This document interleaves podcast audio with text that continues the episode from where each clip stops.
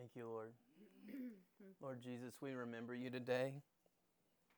Lord, for many of us in the room, it might be hard to remember last week and what happened and what's going on next week to think about those things. And Lord, our mind can get distracted, our mind can get thrown aside with just all the variables.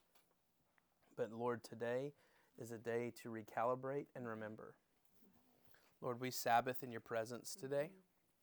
We Sabbath with you. We rest with you, God, um, in order to remember. So when we pause today, we remember Jesus. We remember the saving blood spilled for us. In whose name we pray. Amen. So um, we've been walking through the life of David. it's fun. This is our fourth meeting in our home. We're excited about it. Uh, the first three times, as many of you that have been here, um, you know, hey, if, if y'all get hot, just wave at Jerry. He can flip the fan on if we need to. Um, but um, as many of you were here, uh, we the first week we talked about uh, Samuel walking up and pouring the oil over a 10 year old boy named David and seeing God uh, anoint king, but not step into it yet. He was in the anointing, but not in his calling fully yet. And so um, then we walk in. Yeah, don't light your hair on fire, please, Tony. Um, there's a candle behind Tony's head. Keep warming up and warming up. Um, yeah, tongues of fire over Tony right now, right? Um, so the uh, the the concept of David's anointing, then he steps up and fights Goliath. And we, we, as we talked about, and some of us have even been talking about it since that day when we shared, um, we're not David in the story of David and Goliath. Jesus is the one fighting our battle. Jesus is the one killing the giants. We're the one sitting back trembling, letting Jesus fight for us. That's that rest concept. And then last week talked about as soon as he leaves the battlefield, drama begins to happen with he and Saul, and God knits he and Jonathan together. God gives David a friend. God gives David a friend that's knitted deep in the soul. And in the midst of an enemy trying to kill, David is like Saul Saul's instantly trying the Bible says tries to kill him, tries to kill him, tries to kill him. And then we're going to talk more about that in just a moment.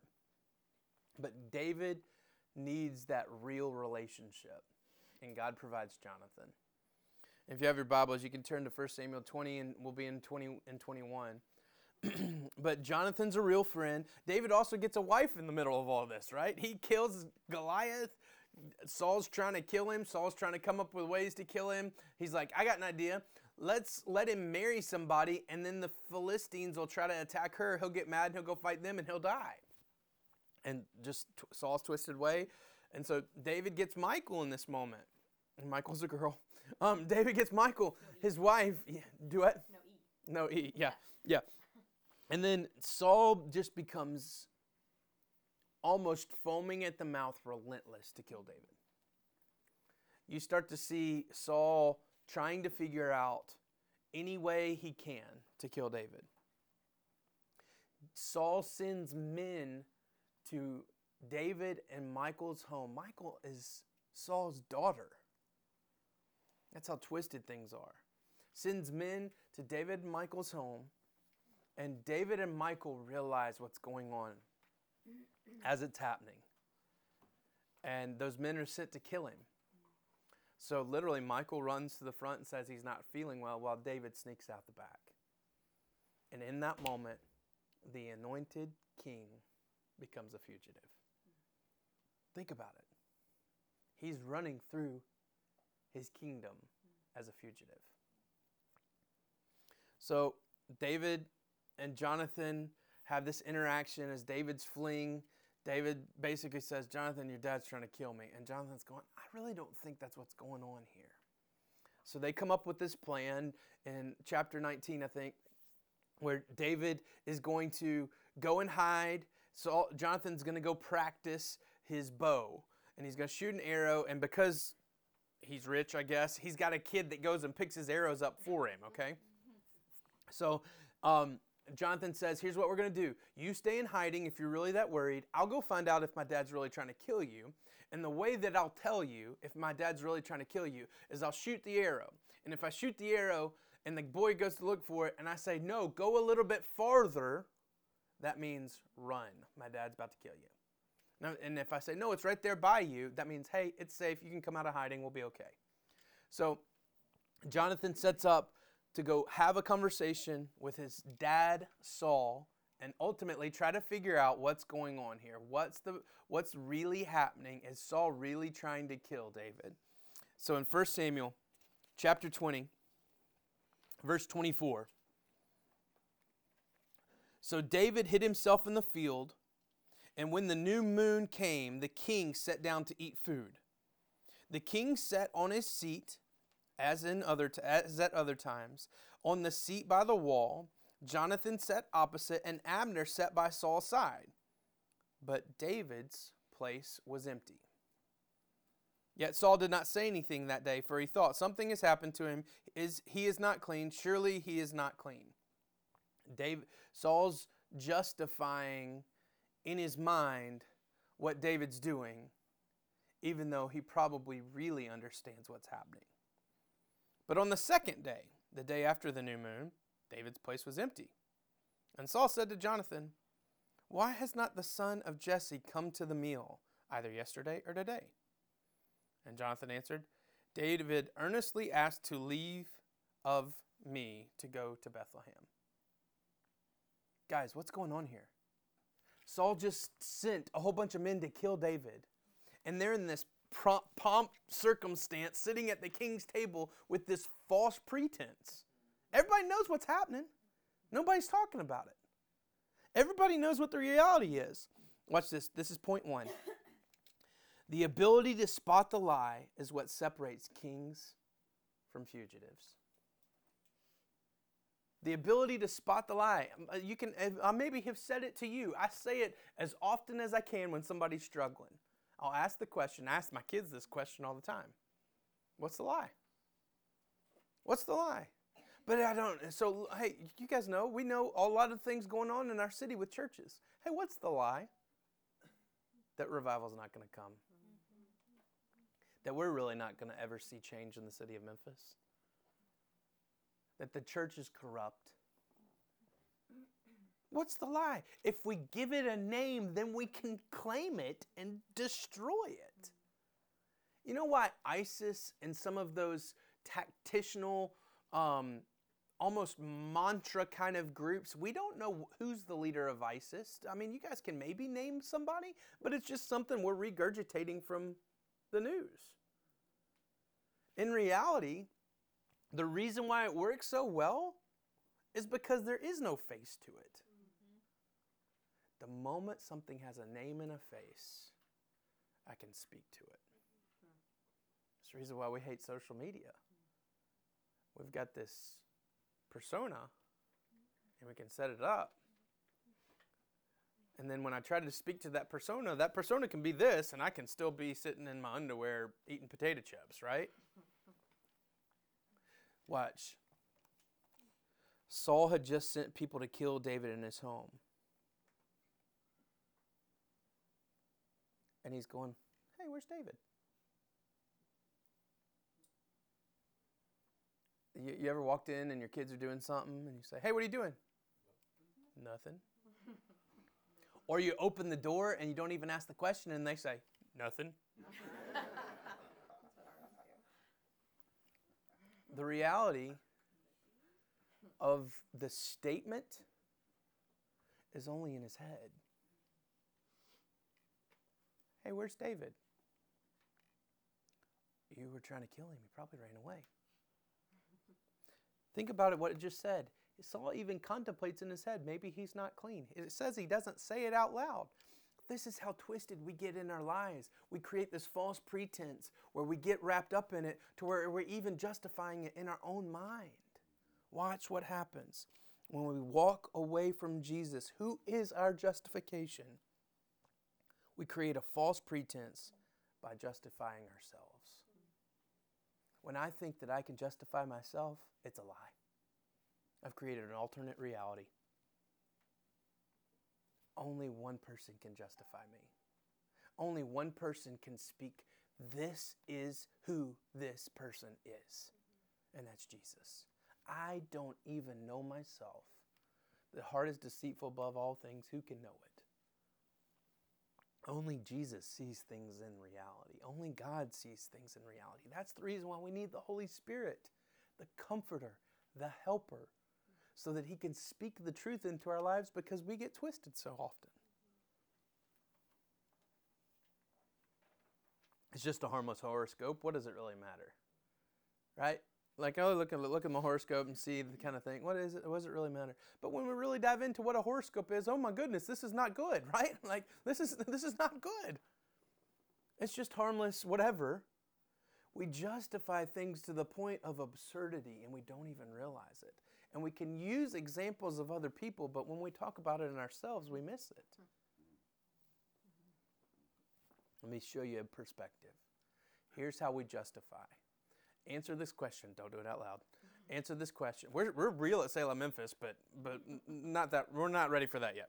Um, that's what groups are for. Right. That's what groups are for. Here's a great perspective. Say that on Sunday morning. Um, I feel better when. Answer that question.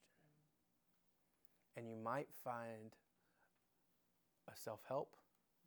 You might find a self medicate. You might even find a way that you're justifying yourself in something. There's no problem with feeling better. But when it replaces something else, it creates a false pretense of what's really going on. To where we don't know which way's truth. Anybody ever been to the Ocoee River? You know what I'm talking about? The Ocoee River. Ocoee River is in East Tennessee, beautiful country. Uh, Tennessee Valley Authority controls it. It's a river that they have a dam and they can open and close. So for I think it's Tuesday, Wednesday, Thursday of every day for two minutes at eight o'clock in the morning, you'll hear and then at the end of the two minutes they open the dam up. And the water goes rushing down. And so for years we've taken kids on these trips. I've probably been down the Ocoee 30, 40 times. and so we go to camp, summer camp, and we take kids down the Ocoee and it's just a blast. There's class four rapids, all sorts of cool whitewater rapids that you get to do. And um, it's actually when the Olympics were in Atlanta in '96, they came to the Ocoee to do some of the trial stuff. Um, and so it's unbelievable, and it's so much fun and so scary at the same time. So it's always fun to be in a group. I loved being in a group with a whole bunch of guys because we'll be idiots doing stuff. but because I'm the student pastor at the moment, I literally got stuck with all the ones that have to have their EpiPens and their diabetes stuff right in the safe box, okay? Literally, they called it the medical boat. That's what they called it. Uh, yeah, and it was all girls. It was all teenage girls, and they all had diabetes and had to have their pump. But because we're in the water, they had to put the pump in the dry box. It's a two hour trip, so just in case, they got to have the pump. Not making fun of diabetes, I'm making fun of middle, uh, young girls. Um, we get in the rapids, and it's like you're pulling up on the bus, and you're hearing, and I'm just watching the blood leave these girls' faces. I'm like, oh, this might be a lot of fun, right? Yeah, I've, I've fallen out before and stuff. The Ocoee averages a person to two people every year that die on the Ocoee. So it's pretty intense. So the, the first rap, set of rapids is three stacked. So you don't want to fall out on the first one because you got to float through three of them before they can pick you up. Sure enough, we get in. There's a, I think it's it's a double vortex. So it literally does this, and if the boat gets stuck down in the bottom, you're gonna under the water. So I get in. All these girls, we're paddling, we're paddling, paddling, and I don't know what the guy did, but we hit it sideways and just flipped got stuck in the vortex, and I went to swim up, and my head hit the bottom. I was that disoriented. It's probably one of the scariest things that I've ever dealt with in my life, like thinking I'm swimming up and I'm swimming down. so I put my feet on the bottom and pushed up, and my head hit the boat. And I went, okay, this is not good. I reached around, grabbed the boat, and it was like a mirror image. Me and the guide came up on the opposite side of the up, upside down boat at the same time, looked at each other, and went, uh oh. No girls. And so we're like get on top, and I'm like, dude, we're the only dudes here. They're all they're all medical, like like thinking all that stuff. And they'd floated through the rapids and gotten the other girls. But I've never in my life been so disoriented like that, where I thought up was down and down was up.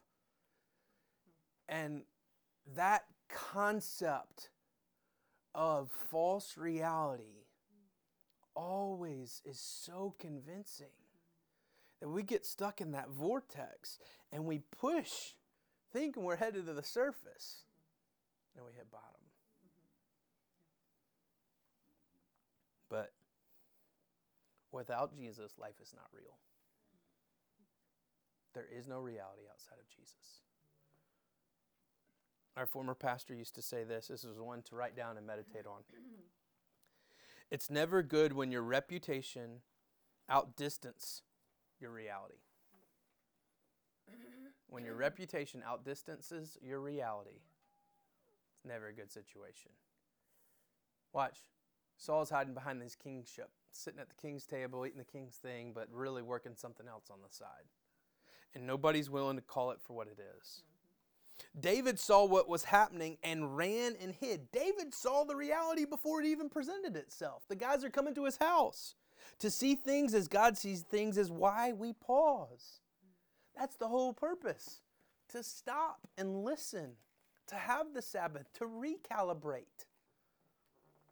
The father of lies is so deceptive that I never want to do what he desires me to do, but I often still live life in this deception.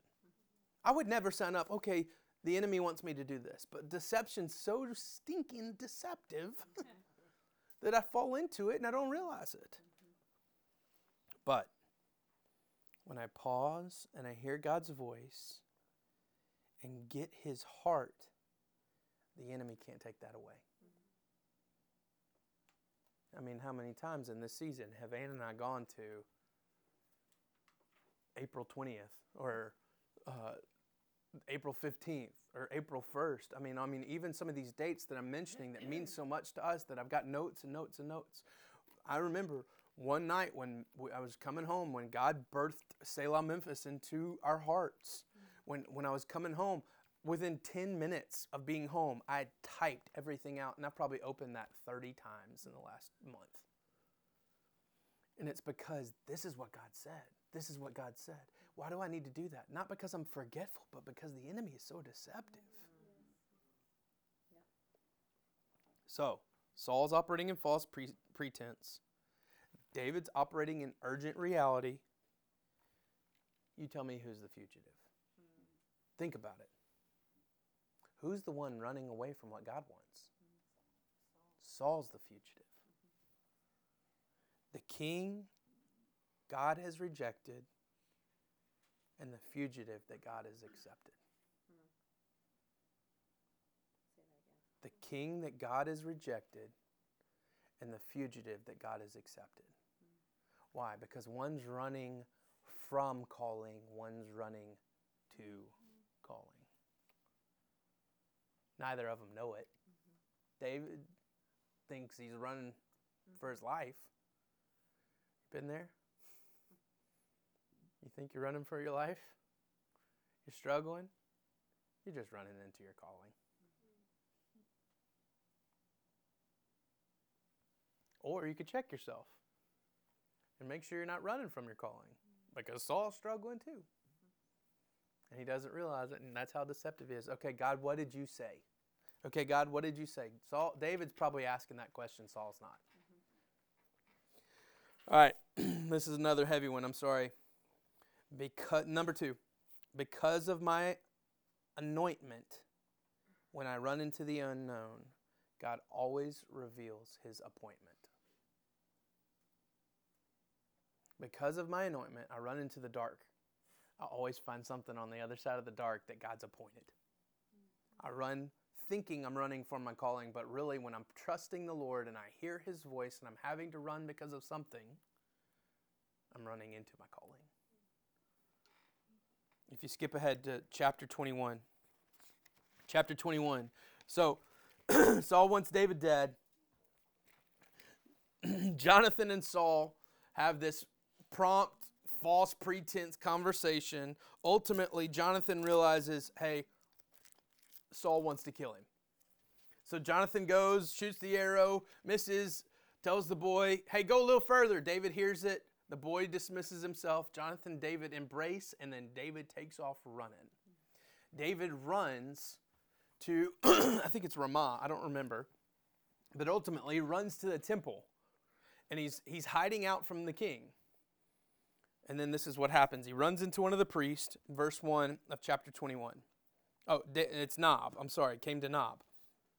And then David came to Nob, and Ahimelech, the priest, and Ahimelech came to him to meet David, and he was trembling.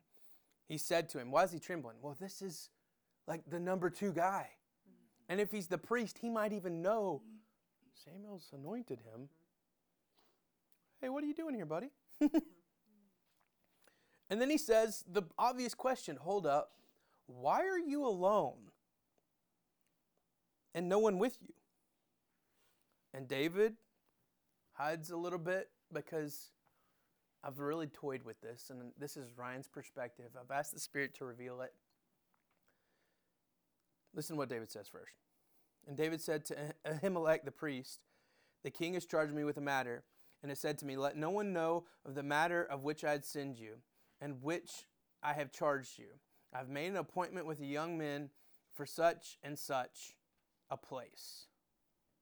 Now then, do you have what do you have on hand? Give me five loaves of bread or whatever is here. Why is David not telling him, hey, dude, the king's trying to kill me? And I've wondered, is David living under false pretense? Is David that scared? Or is it the concept that David's still trying to honor Saul? I, I, I, genuinely believe that David's trying to honor Saul in this moment. Mm-hmm. Saul's just deceived, mm-hmm. he's just blind to it. He just hasn't seen it. And is David praying, Lord, save me from Saul, or is David praying, Lord, save Saul from Saul?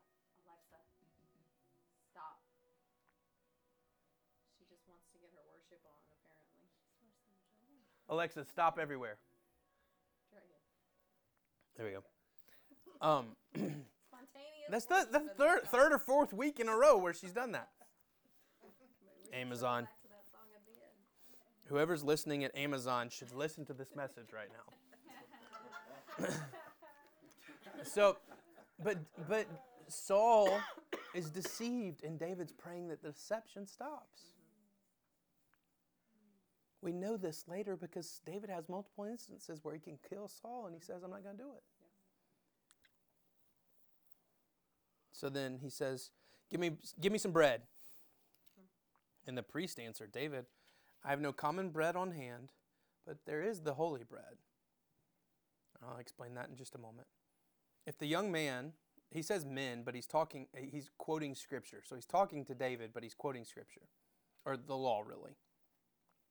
If the young men have kept themselves from a woman, and David answered the priest. I love this. Truly, women have been kept away from us always when I go on an expedition. Basically, I'm, I'm away on an expedition. But I also think, man, he might stink. There ain't no woman getting anywhere close to him, right? the vessels of the young men are holy even when it is ordinary, on, on an ordinary journey. How much more today will their vessels be holy? Basically, um, the priest, the holy bread, the showbread, the bread of presence is what they're talking about, would sit inside the temple in the Holy of Holies. And every seven days, the priest would go in and they'd consume the bread and replace it with new. And they would eat the bread and if it was eaten in the Holy of Holies, it was considered holy bread. If they took it out, it would become bad. Do not touch it. But only those who were pure could go in and eat it on a weekly basis. So if it was my rotation that week as a priest, no sex. Do not touch a woman. Do not interact with them. Stay pure. Then walk into the temple on the Sabbath and consume the bread of presence, and it will remain holy. And then they would replace it with fresh bread.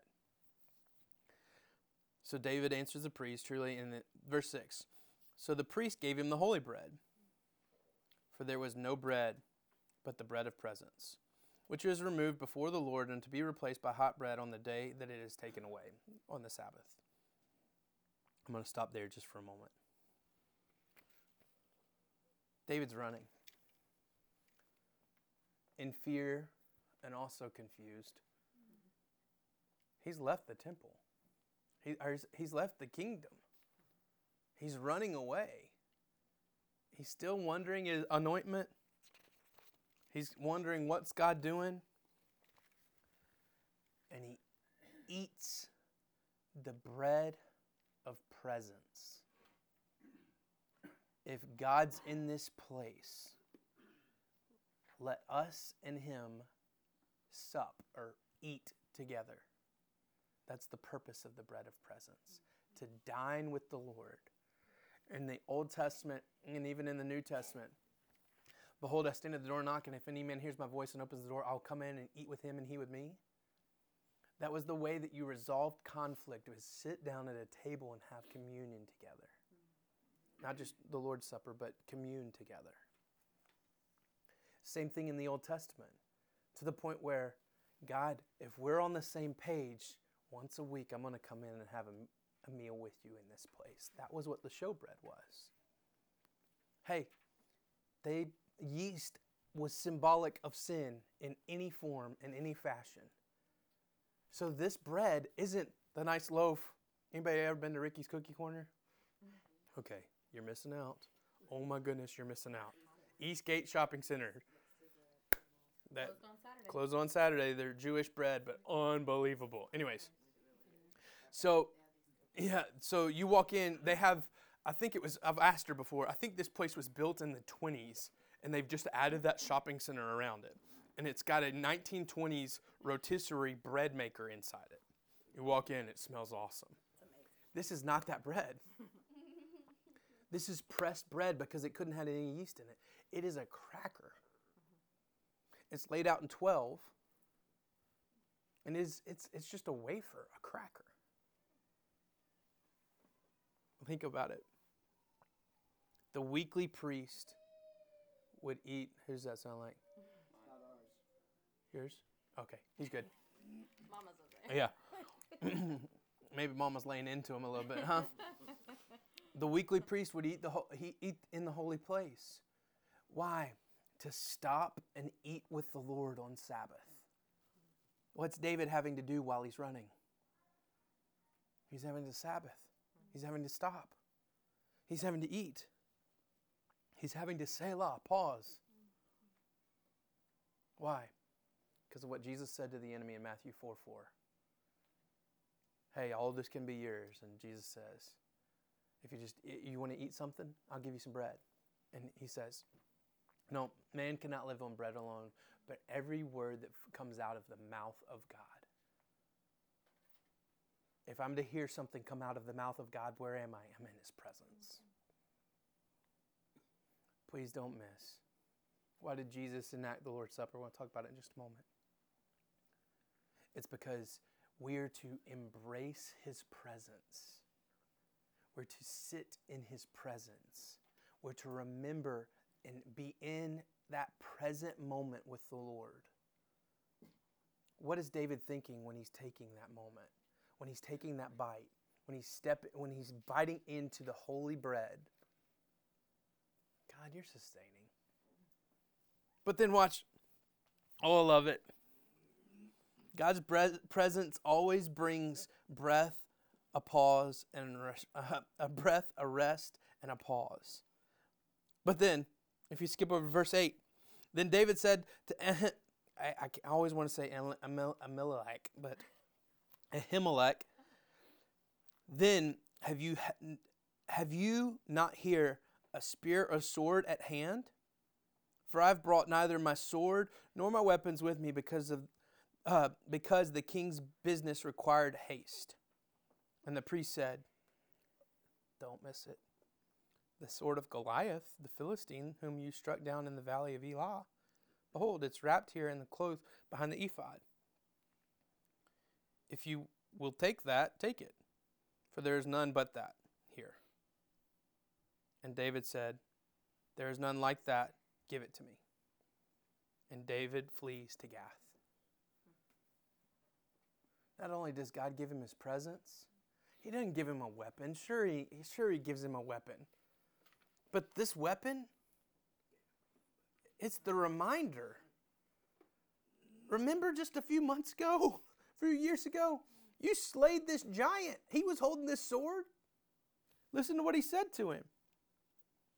If you back up to chapter 17, verse 44, the Philistine said to David, Come here, and I will give you to give your flesh to the birds of the air and to the beasts of the field. And David said to the Philistine, You come at me with a sword and a spear and a javelin, but I come to you in the name of the Lord of hosts, the God of the armies of Israel, whom you have defiled.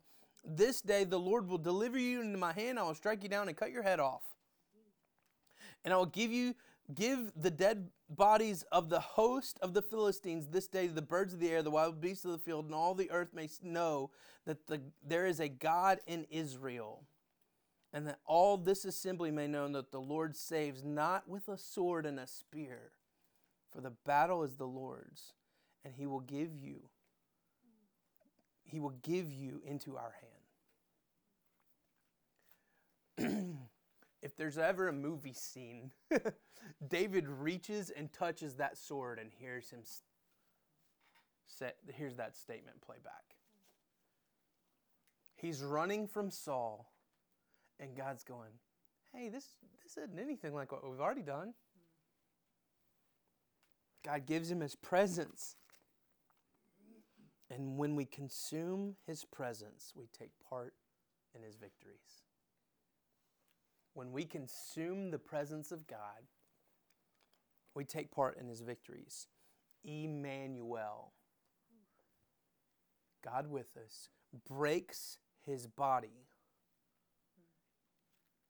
so that we can have his victory. Emmanuel. There's no need to have the showbread anymore. Why? Because Emmanuel's come. He's with us, he's present. And then he sits in front of the 12 and says, It's about to happen, guys. But as much as you eat this bread and drink this, remember me until I come back. Think about it.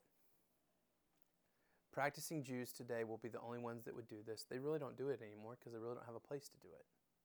The Holy of Holies has been claimed by the Nation of Islam. But they don't have the showbread anymore. Why? Because Emmanuel's come. We, we don't have to reach and grab Goliath's sword to actually swing it. We just have to know that it's there. Why? Because Jesus has already killed him. Why does Jesus focus in on the remembrance concept? Because it's the way that I defeat the enemies. The lies the enemies portray, I just say, hey, no, this is what God's done. You can't, I always tell people, nobody can argue with a changed life. Nobody can argue with a changed life. Mm-hmm. Hey, you want to argue seven, seven day creation concept and all that stuff? And I say, hey, Jesus loves me. I'm, I'm good. Do you believe that? Let me show you what God's done in my life. See this sword right here? God used me to kill this Goliath. See this bread over here? I was running and I ran away from something, but I was really running into God's presence and I got to consume it. David, everything he's touching in these moments is victory upon victory, blessing upon blessing. He doesn't know it. He thinks he's still running through battles, but ultimately they're blessings. Here's what I want us to do. Bear, do you mind serving? Is that cool? Um, go ahead and take the cup and take the um, cracker.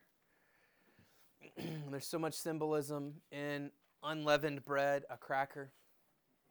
And um, the cracker concept, uh, the way that it works so that it doesn't break, if you had a cracker, you know it's pierced, it's got holes in it.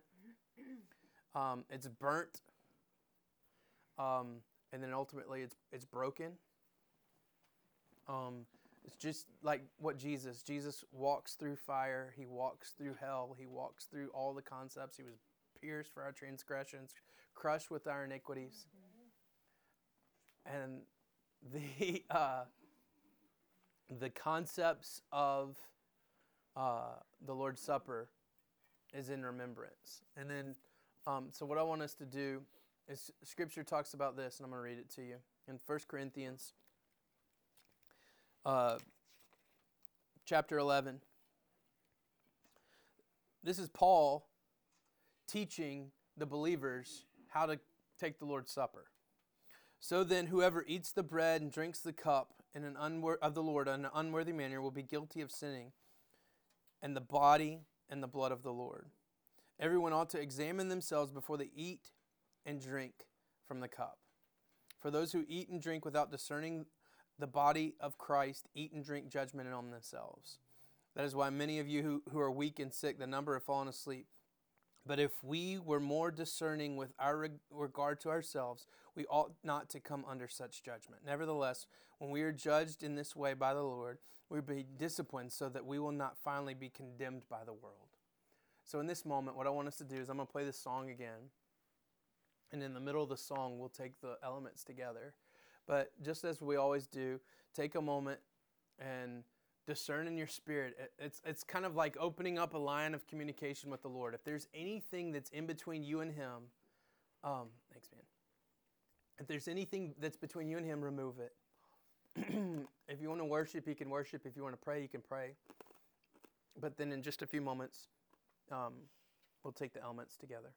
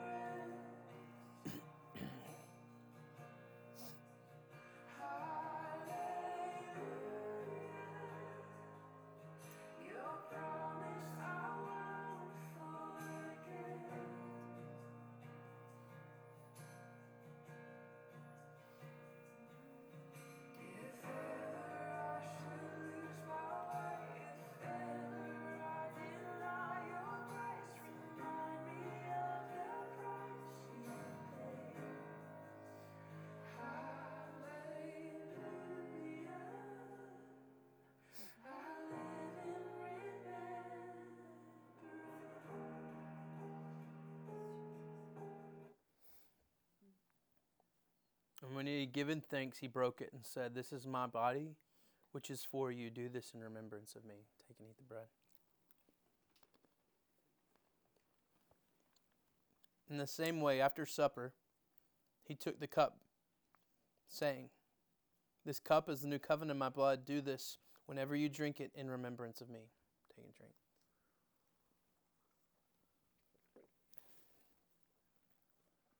For in, whenever you eat this bread and drink this cup, you proclaim the Lord's death until he comes.